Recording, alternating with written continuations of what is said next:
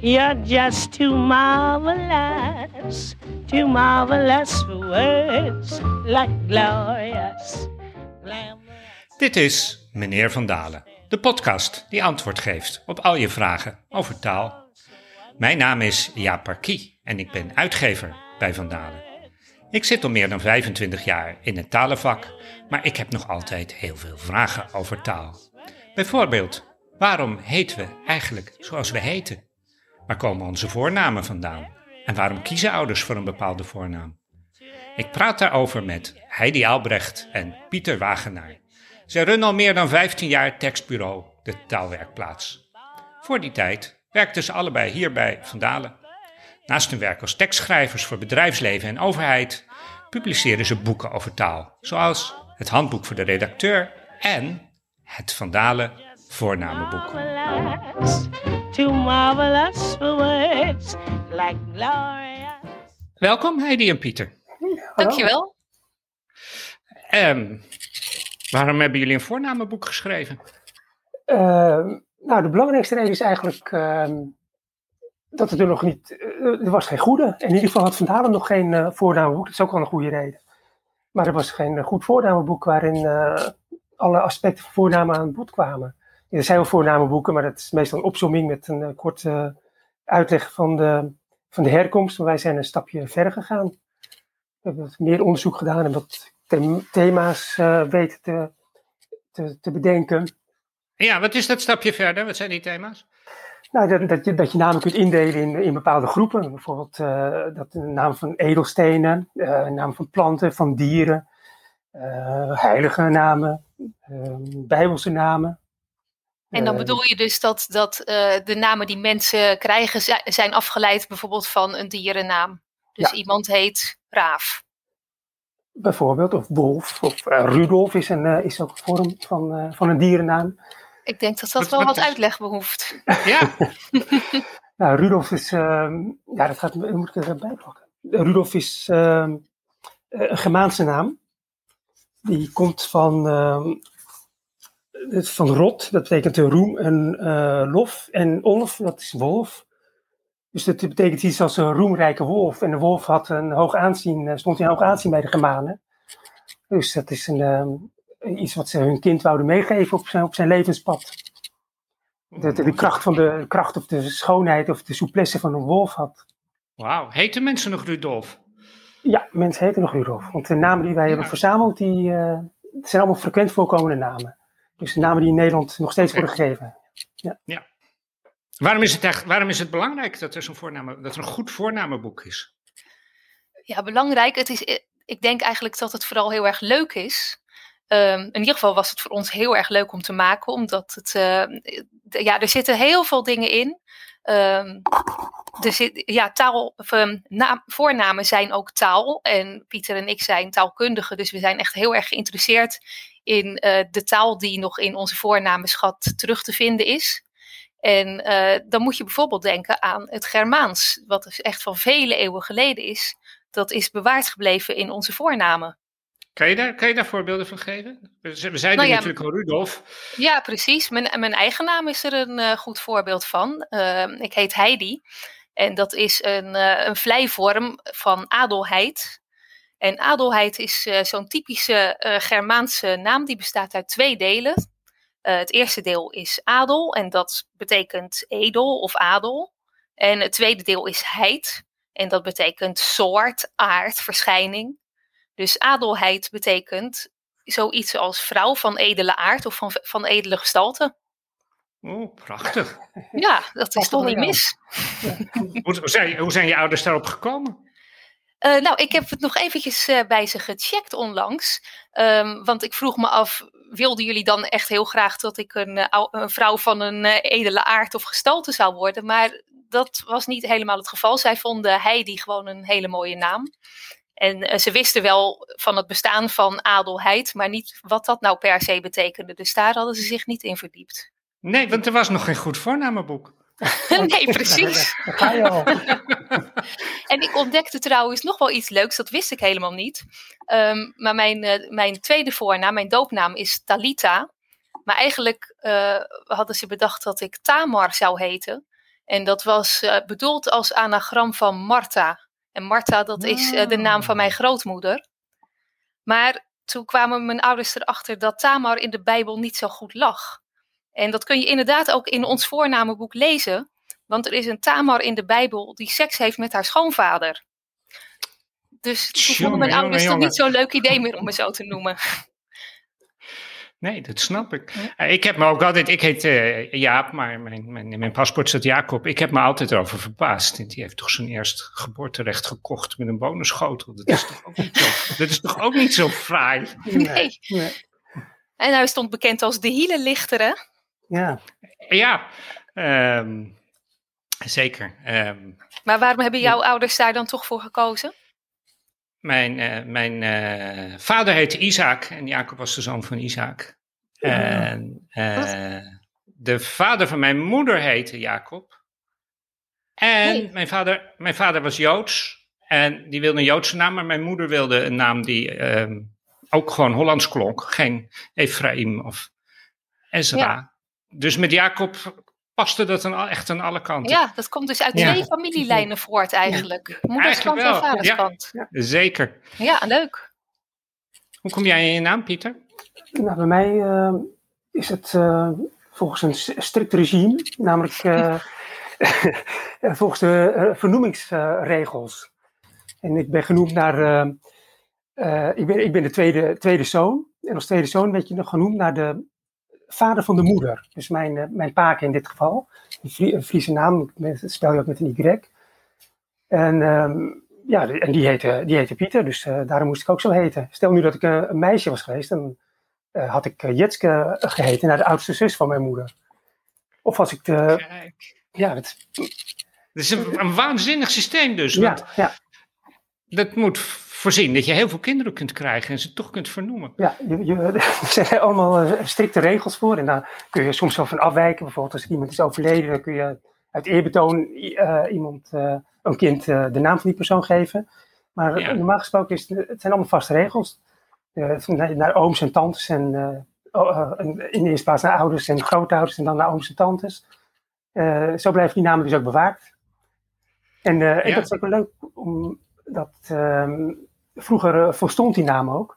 En dan kreeg je meestal een soort toenaam. Bijvoorbeeld uh, dat je naar iemand werd genoemd. Dat je de zoon van iemand was. Bijvoorbeeld, uh, nou, ik zou Pieter Joukes hebben geheten, omdat mijn vader Jouke heette. En um, dat die toenamen op de duur ook niet meer voldeden, is de reden dat we achternamen hebben. Ja. ja. Maar gebeurt dat nog steeds in Friesland? Dat mensen zo strikt vernoemd worden? Nee, volgens mij is dat uh, wel een beetje afgelopen. Mensen kiezen, zoals uh, overal nu in Nederland, uh, voor een mooie naam. Voor een klank die ja. lekker ligt of iets, iets dergelijks. Of een naam met een mooie betekenis. Kun je, ja, mensen zijn ja, individueler geworden en willen meer laten zien wie ze zijn, zoiets. Ja, ja. Je, wilt je onderscheiden. Dus je kiest een naam, voor het kind kies je dan een naam dat onderscheidend is. Maar meestal, ja. uh, of heel vaak, worden dat uh, dan toch weer dezelfde namen.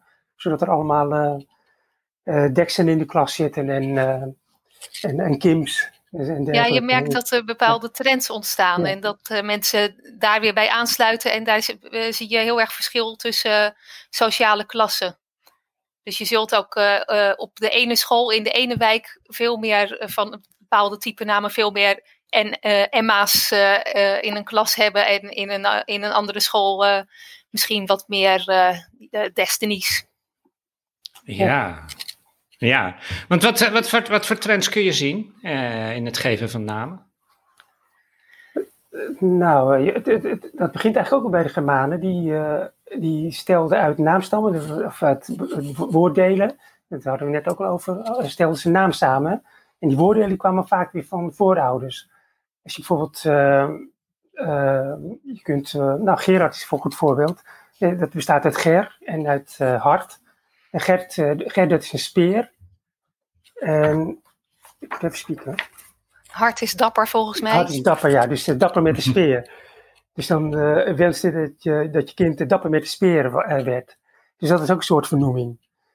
Um, Volgens mij is dat nog niet helemaal duidelijk, want waar, waar komt dat, dat vernoemingsaspect dan vandaan?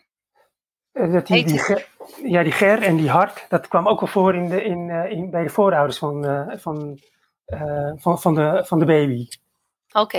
Ja, Dus het is niet eh, eh, puur eh, de wens dat je kind dapper wordt met de speer, maar er zit ook al bij de voorouders. eh, het is dus Een beide. Ja, en hoe, hoe zie je dat later in de geschiedenis? Hoe heeft zich dat ontwikkeld? De, we werden gekerstend. Willibrord en Bonifatius kwamen voorbij en eh, die eh, brachten christelijke namen met zich mee. Dus eh, die, die, kwamen toen, eh, toen, opzetten. En dat eh, drukte die Germaanse namen een beetje weg. En wat is er later gebeurd? Ja, later... Nou, Mag ik misschien eventjes onderbreken? Want Ja, het is een beetje zonde om over die, over die christelijke namen zo snel heen te springen, omdat er zo vreselijk veel mooie verhalen aan oh ja, vastzitten. ja. Ehm, want eh, eh, vernoemen naar heiligen, dat werd een eh, grote trend. Hè? En dat is ook redelijk makkelijk, want die heiligen die hadden heilige dagen. Dus als een kind op de dag van Ja. zo'n heilige geboren werd, dan kon je je kind naar die heilige vernoemen. En in het eh, voornamenboek hebben wij ook allerlei verhalen over die heiligen verzameld. Ik bedoel, als je wilt weten wat je naam betekent, dan is het ook best wel leuk om wat meer over zo'n heilige te weten te komen. En ja, die, die, het is zo leuk om te zien hoe die, hoe die, eh, ja, die, die, hoe noem je dat? Die hagiografie heeft gewerkt. Dus die, die, die heilige legendebeschrijving in die tijd en wat er allemaal uit voortgekomen is. Want er werden natuurlijk de mooiste verhalen aan die eh heiligen toegedicht en allerlei wonderen die ze verricht hadden. En zo'n heilige werd dan op den duur ook beschermheilige van iets, weet je. je eh, eh, Sinterklaas, eh, Sint-Nicolaas is de beschermheilige van de zeevaarders bijvoorbeeld en ook van kinderen. Ehm, maar aan die verhalen van die eh, heiligen, hoe ze geleefd hebben, daaruit kun je, eh, ja, daaruit is eigenlijk afgeleid van waar ze beschermheiligen van werden. En dat zijn soms echt hele grappige dingen. Zoals ehm, Jeanne d'Arc, die is de beschermheilige van de radio. Nou denk je, oké, er zitten een paar eeuwen tussen. Radio, Jeanne d'Arc, wat heeft dat met elkaar te maken? Maar eh, zij hoorde stemmen. Maar ze, is, ze is vast ook beschermheilige van de podcast. Ja, dat ja, moet wel. natuurlijk. Ja. Alles op ja. afstand. Ja. Ik moet altijd aan Sint, Sint Laurens denken. Ik doe die, die hete Bikram yoga. En Sint, Lau, Sint Laurens die werd, ehm, was een van de vroege christenen. En die werd door de Romeinen op de brandstapel gelegd. En die zei, draai me nu maar om. Deze kant is gaar. Nee. Daar denk ik wel eens aan als ik, als ik yoga doe. Ik heb nog een, een, heel mooi voorbeeld, als ik nog eventjes mag, want hier moest ik ook zo om lachen toen, eh, toen ik dit ontdekte. Dat is eh, Sint Agatha. En die werd gemarteld. En eh, daarom wordt ze in iconen afgebeeld met haar borsten. Oh, dat, ik zeg het verkeerd. Ze werd gemarteld doordat haar borsten werden afgesneden. Echt hoor. Maar goed, eh, en in iconen wordt ze afgebeeld met die borsten afgesneden op een schaal. Maar dat werd eh, later weer verkeerd geïnterpreteerd. Dan zagen ze die, die heilige met twee bollen op een schaal.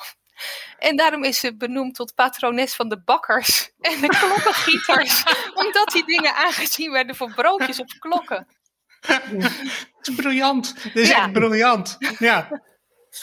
Nou ja, kijk, dat, zulke leuke verhalen eh, ko- kom je dus te weten als je in het voornamenboek bladert. Dus stel nou Ja. dat, je, dat je Agatha heet en je wist dat toch nog niet, dan lach je je toch rot. Ik weet, ik weet niet of je kind dan nog Agatha wil noemen. Nee, precies. Dat, eh, Dus eh, daar is het ook nuttig voor. Ja, ja, dat is ook ja. nuttig voor, ja. Ja. Ja. ja, want je komt echt Ja. de raarste dingen tegen. Dus misschien wil je kind helemaal niet zo noemen dan in, om die reden. Nee, nou ja, net dat wat mij overkwam hè, met mijn eh, Tamar. Ja, Ja. ja. Tam- Tamar is ook gewoon volgens mij eh, het, het, het dadel in het eh, Ja, dat klopt. Arabisch. Ja, Ja. ja. Dus het Ehm. had ook een heel onschuldige betekenis kunnen hebben. zeker. ja. Ja, maar hoe kiezen, hoe kiezen mensen tegenwoordig hun naam? We zeiden het al, hè, een beetje op klank en op, Ja. om origineel Ja. te zijn. Maar wat, wat, wat, zie je, wat zie je daar gebeuren? Nou, je ziet bijvoorbeeld eh, dat eh, bekende mensen eh, eh, worden hernoemd, ver- ver- vernoemd. Eh, Ja. Dat zijn eigenlijk de moderne heiligen. Dat zijn de moderne heiligen. Ja. Dus dat is eigenlijk niet zo veranderd. Ehm nou, ons raarste voorbeeld is denk ik toch wel eh, Al Pacino. En dan was één woord. Met, Maar El Al Pacino bedoel je dan, denk Ja, ik. Al Pacino.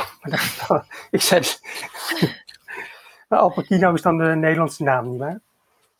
Nou ja, ik, je, je weet niet. Kijk, wij hebben deze naam gevonden. Dat is misschien wel even handig om erbij te vertellen. We Ja. hebben ehm, onderzoek gedaan naar het voorkomen van namen in Nederland en België. En daar hebben we onder meer eh, de voornamenbank van het Meertens Instituut voor gebruikt. En daarin dook die naam El Pacino voor. En dat schrijf je dan aan elkaar. Ja. Ja. Wij weten dan natuurlijk niet Ja. hoe die ouders dat uitspreken. Dat Nee.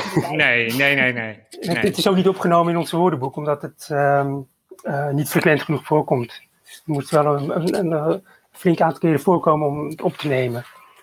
Ja. En wat zien jullie nog meer gebeuren? Nou, we zien meer ehm, topografische namen, bijvoorbeeld Dakota. Je ziet, ehm, eh, wat is er nog meer? Dat is in, oh ja, Korte ook- en krachtige namen, hè? ja, kort en krachtige namen. Dat is eh, heel erg in op dit moment. Dus eh, nou, het voorbeeld dat ik net heb gaf, eh, Dex, dat is echt zo'n mooie, krachtige naam. Dus dat vinden ouders eh, eh, fijn om te geven. Sowieso zie je meer X'en verschijnen. Ja, ja ik zit Echt? heel erg in. Ja. ja. Ja. Ja. Max, ja. Nou, we, we hebben bijvoorbeeld ook Xavier. Maar dan, en Xavier? Ik, ja. ja, echt, eh, Dus prachtig. de, de savior, de, de redder, maar dan de verlosser, maar dan met een Ja. X. ja. ja. En je hebt natuurlijk die eh Xes, Xes Xava, hè? Eh, Oh ja, ja. Was dat eh, het kind van, ehm, moet, kan ik even niet op de naam komen, volgens mij van Wesley Snijder en Jolante eh van Klaas. Ja, en je- Een heleboel X'en. Ja. ja. En zie je, zie je dat mensen dat als, hè, als zo'n naam dan eh, bij, bij ja, als, als, als die op televisie is, zullen we maar zeggen, dat die wordt overgenomen? Ja, ik weet, eh, ik denk dat die Xes Xava nog te kort bestaat om dat nu al terug te kunnen zien in de statistieken. Ja. Maar eh, ehm, van ietsjes langer geleden, waardoor we ook al weten hoeveel kinderen ernaar vernoemd zijn. Dat is eh, bijvoorbeeld Daley Blind, die voetballer. Die Mhm. werd in 1990 geboren en toen heette er vrijwel niemand in Nederland Daley. En eh, in 2008 eh, kwam die in het eerste elftal van Ajax. En in 2009 werden er ineens al 20 jongens Daley genoemd. En in 2015 werden er al 251 Dailies in één jaar geboren. Dus dan zie je die populariteit behoorlijk toenemen. Ja. Ja, ja. Maar en er worden ook eh, baby's vernoemd naar, woorden die, naar namen die wij in ons woordenboek hebben opgenomen. Ja, dat Oh is ja? een mooi verhaal. Ja. Ja, maar dat moet jij vertellen. want het, is, eh, het, komt uit, eh, eh, ja, het komt uit mijn omgeving. Ehm, nou ja, wat jij, Jaap, als woordenboekmaker maar al te goed weet, is dat een woordenboek en ook een voornamenboek, dat kunnen mensen eigenlijk redelijk makkelijk ehm, eh, kopiëren of op een, een of andere manier misbruiken. De, de, de, de woordenlijst eh, daarvan die daaraan eh, eh, ten grondslag ligt. Dus wij hebben heel veel moeite gedaan om eh, deze frequente voornamen te verzamelen. En dan zou iemand eh, die een beetje kwaadwillend is, zo met onze verzameling aan de haal kunnen gaan. Nou, wat doen eh, wij eh, slimpies eh, als woordenboekmakers dan? We verstoppen wat eh, woorden, of in dit geval namen in de lijst, die daar eigenlijk niet in thuis horen. En dat noemen we dan spookwoorden of spooknamen. En als iemand die dan gebruikt, dan kun je dus zeggen van ja, hallo, eh, dat is onze verzameling, die hebben wij aangelegd en die kopieer jij nu zomaar, dat mag niet. Nou, dat ligt hier aan eh, ten grondslag. En dan nu eh, een van de spooknamen die wij hebben opgenomen. Nou, er Ehm, wordt een spooknaam onthuld. Wordt Dat is- onthuld, maar het is- Dat is ongekend in de woordenboekenwereld. Ja, maar het kan veilig, omdat er meer in zitten. maar goed, ehm, een hele mooie naam die wij erin gestopt hebben, dat is Lucana. En die, Lu- eh, die naam Lucana, die komt niet zomaar uit de lucht vallen. Eh, die kwam op het moment dat wij hem in het eh, voornamenboek opnamen nog helemaal niet voor in Nederland. Althans, niet bij mensen die in Nederland geboren zijn. Maar bij mij in het koor, ik zing in een koor, daar eh, zingt een Lucana en die komt oorspronkelijk uit Spanje. En ik vond het leuk om haar naam ook op te nemen in het eh, voornamenboek.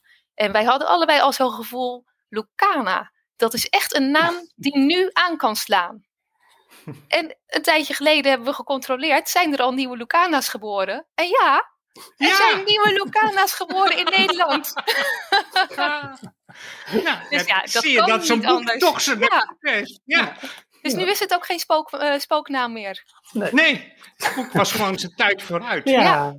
Ja. Hoe zijn jullie te werk gegaan bij het maken van dat boek? Ja, eerst wa- was het een kwestie van eh, die verzameling aanleggen waar, eh, waar ik het net al over had.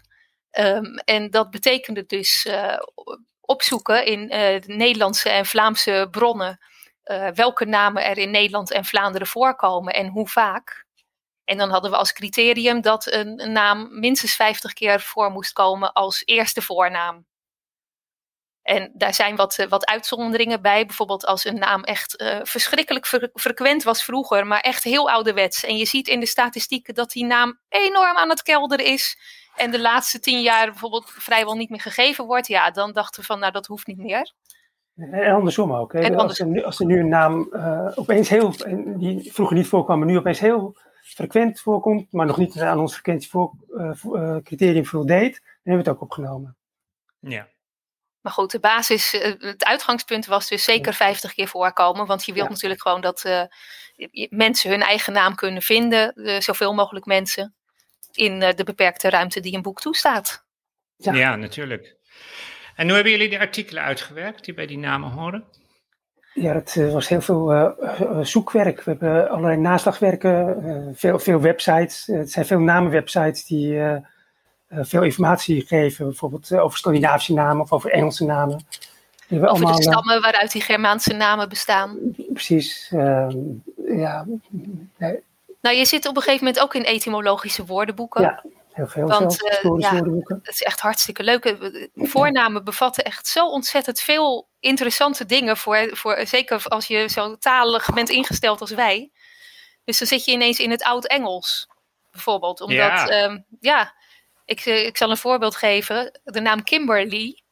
Daar kun je heel veel over vertellen, maar ik zal het maar een beetje kort houden. Eh, daar zit eh, het gedeelte Lee. Dat is een Oud-Engels woord dat een opengekapte plek betekent. Een, of een open veld.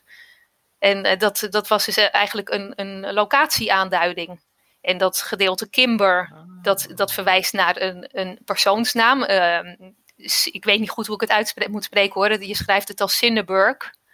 Dus eh, dan, eh, Kimberley was eigenlijk de open plek van Cinneburg. Interessant. Ja. Ja. En dat was dus een achternaam eigenlijk. Eh, Want eh, achternamen ver- ver- verwijzen wel vaker naar, naar plaatsnamen, hè, zoals Van den Berg. Ja, natuurlijk. Nou, Ja. deze achternaam verwees dan naar die open plek. Maar, plek. ja. Maar, maar hoe zou dat dan een voornaam geworden zijn?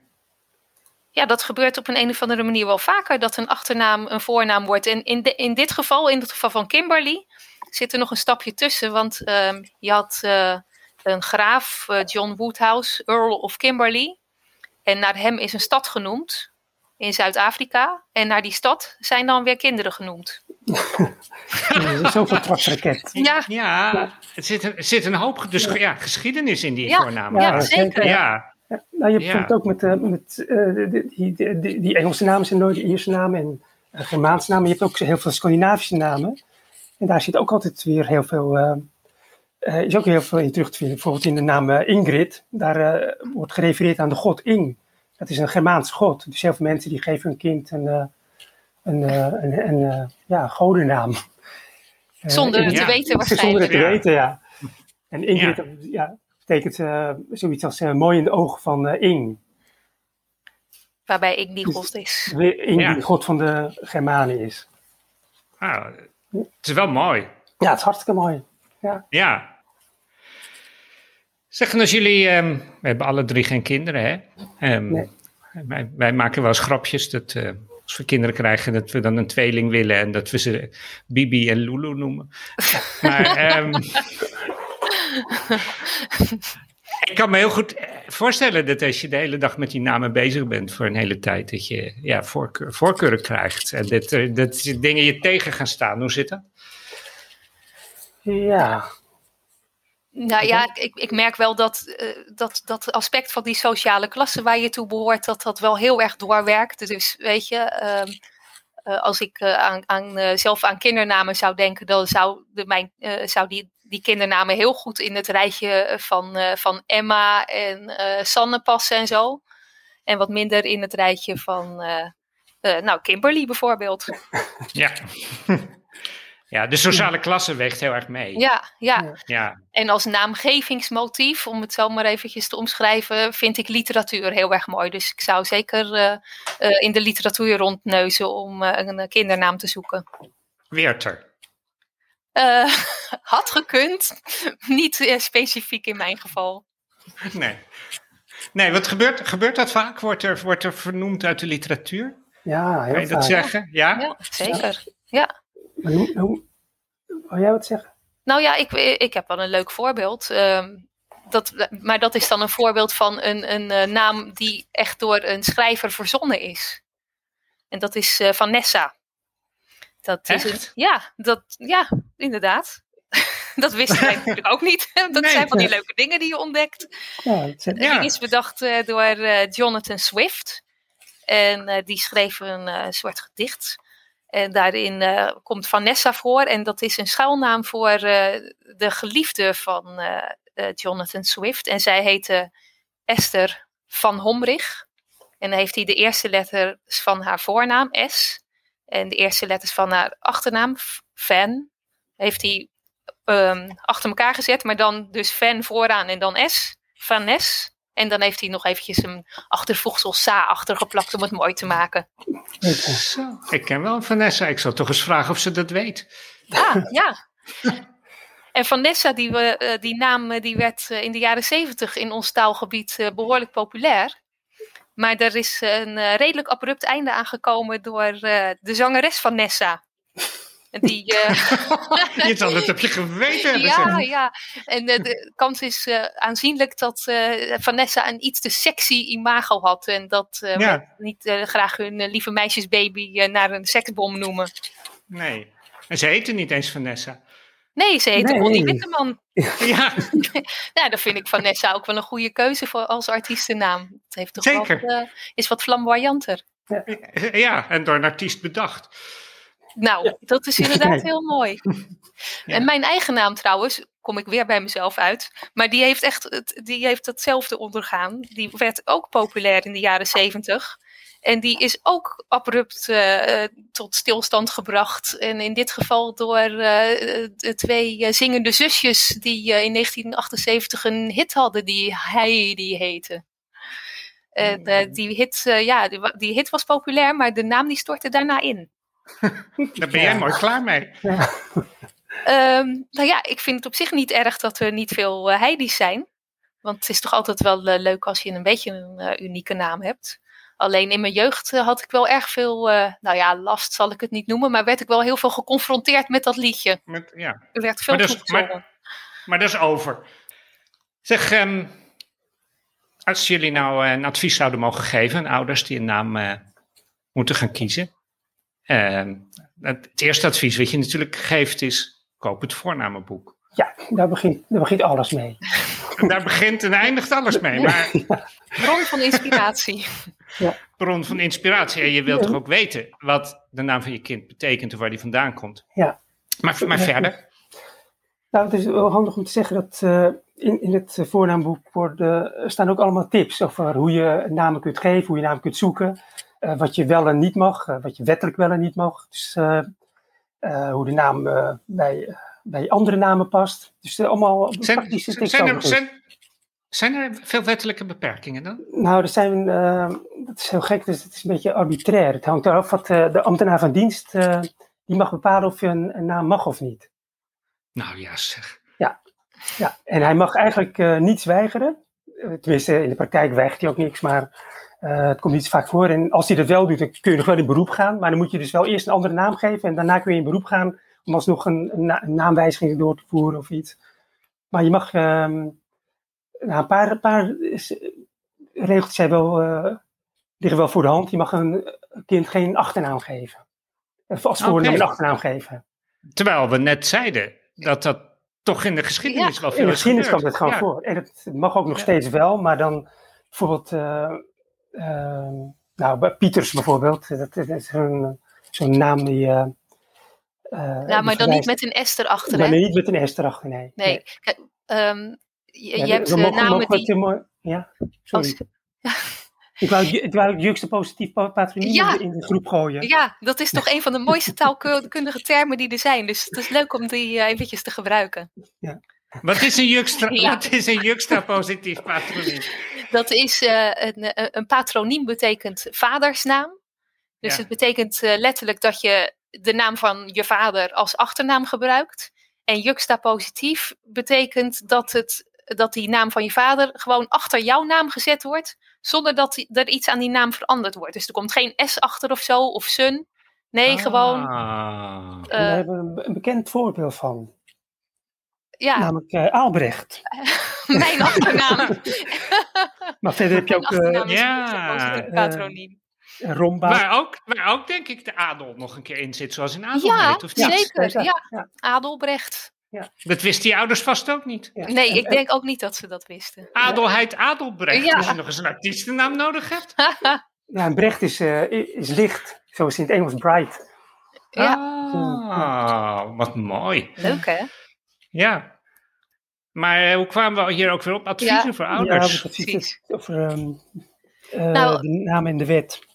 Ja, jij was bij de Ja. naam in de wet. Da- da- Ja. daar zijn dus eh, Ja, restricties. zijn- ja, maar heel mag ook weinig niet echt. Ja. mag niet beledigend zijn, geloof ik. Ja, eh, zeg nee. ik dat goed? Nee.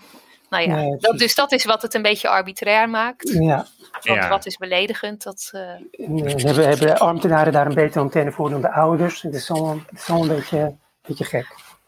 ja, maar ander, een ander advies is natuurlijk dat je de naam moet kiezen die je mooi vindt.